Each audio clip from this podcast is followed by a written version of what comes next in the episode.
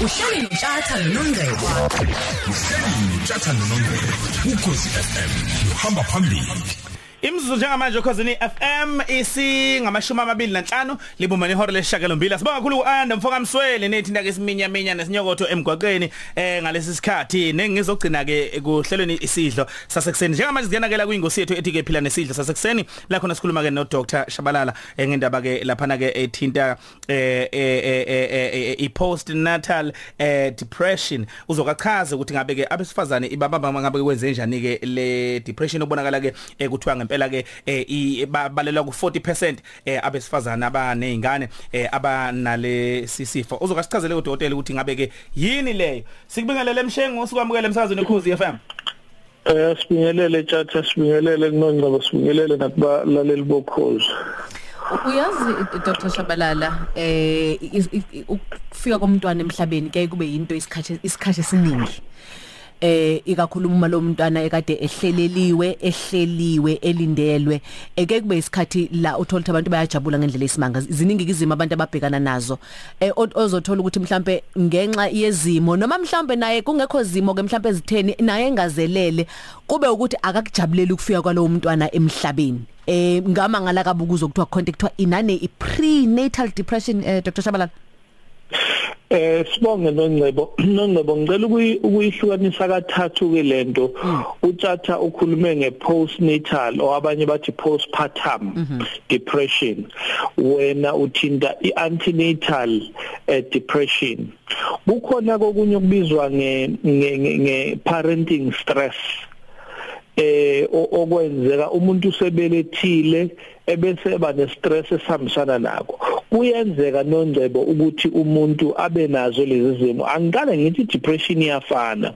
Ukuthi unayo ukhulelwe noma unayo ungakhulelwe kusuke kuyi depression izimpawu zakhona ziyafana.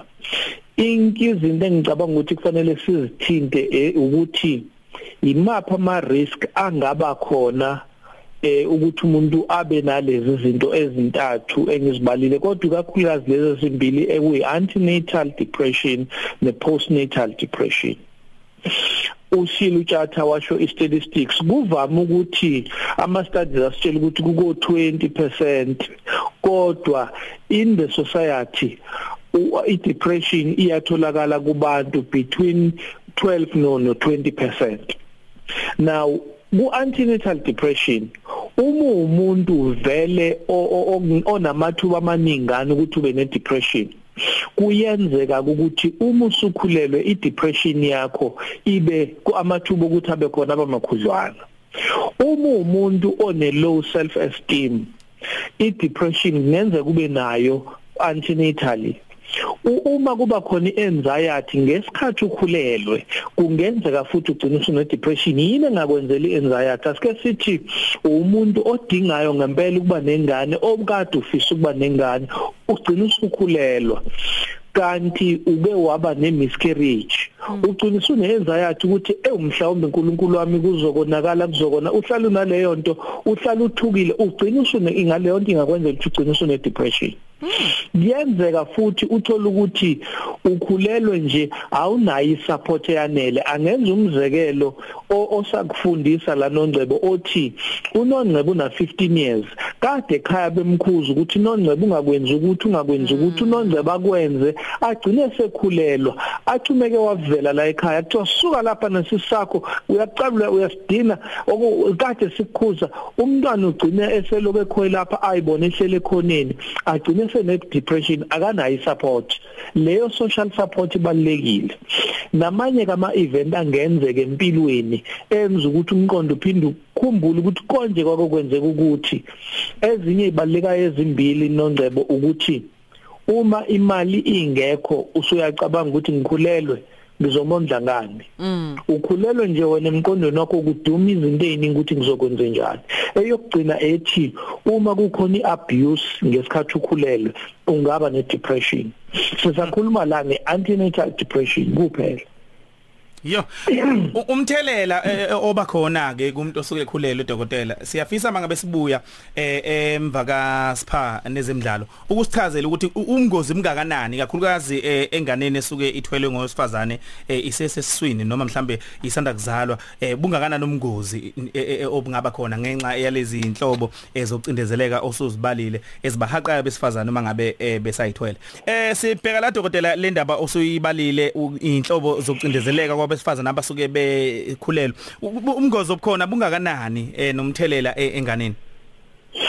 eh etsatha ngicela ukuthi sibuke sithi ukuba khona kwengane kusuke ku involve abantu ngizothi abane eh okokuqala uma wayingane owesibili iyona ingane owesithathu i-relationship nalomuntu owubaba wengane.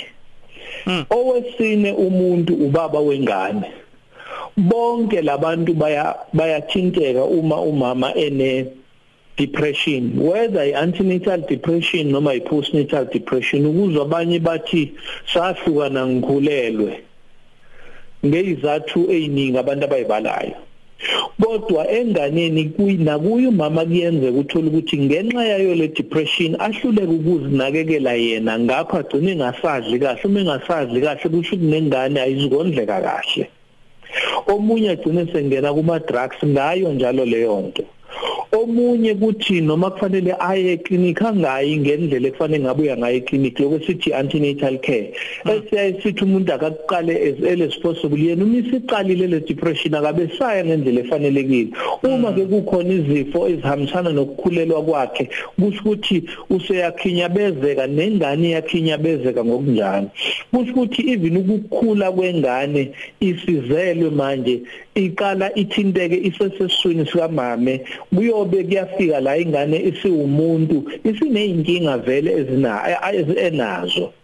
Okunye kuthola ukuthi uma seyitholile ingane akakwazi ukuthi abonde nayo ngoba kanaso isikhathi. Yiloko ngesinye isikhathi esithi ustressed umama uyingane uyibona inkinga kuyena. Agcine abanye uthola ukuthi sekunokuthi ibe neabuse kuneabuse ethile kuyingane ngenxa njalo yokuthi umama une element ye depression Eh Ayi, kulukhuni. inzima nansi into. Mana ke Dr. Shabalala asithi ke sekwenzeka sekuyi postpartum bre- depression umntwana usefikile ke manje ke.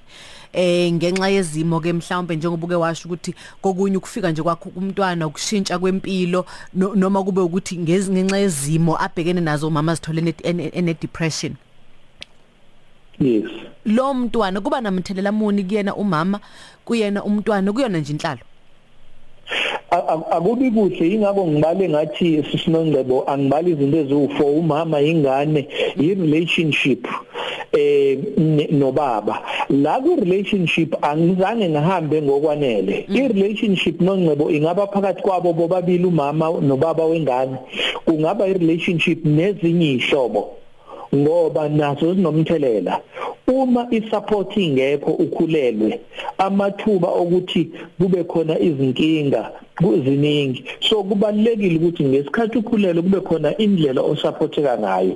Ngakho ke ngiyafuna ukuthi siyikhulume ukuthi ba-affecteka bonke laba bantu ngakho kubalulekayo ukuthi u- masiqala sibone ngathi unongceba ukhulele kodwa khona singasakuboni. Asike sisondele eduze kwakhe sibhekisise ukuthi yiziphi lezi zinto ezimhluphayo simsupporta kanjani yini le ngabe iyamdepressa bese sibone ukuthi simsiza ngayiphi indlela.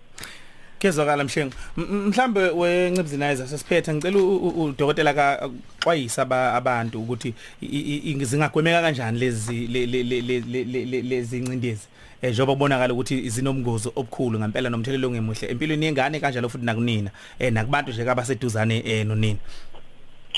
Oko- okokuqala nje nongcebo no- no- nothatha ukuthi umuntu osemncane asikho isidingo sokuthi sijahuye ocansini kodwa uma siyocansini asisivikele singakhulelwa ngesikhathi singakafuni ukuthola umntwana. Ukuthola umntwana ungakamfuni kwenza ukuthi ngesikhathi ukhulelwe nako ngokwako ubone ukuthi useyangiphazamisa umntwana.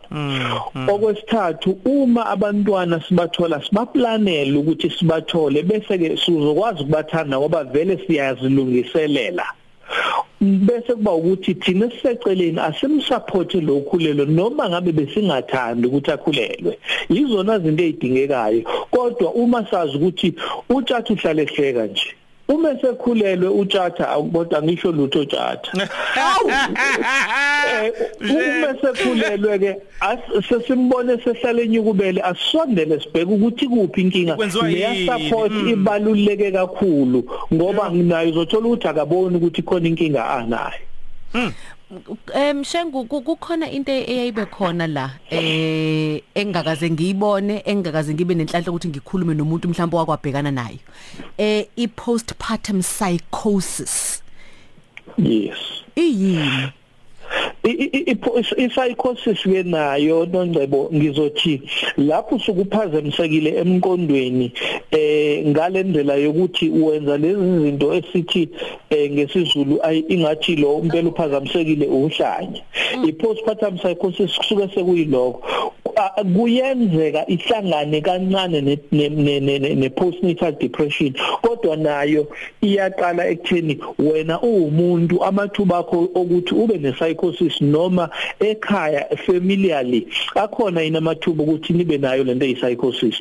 Ume khona lawo mathuba yenzeka ke nakuwe kube khona. So zonke lezo zinto zibalekile yingakho kuhlale kuthiwa eh, uhulumeni ethi kubalekile ukuthi umuntu azazi ngaphambi kokuba izinto zenzeke kuyena.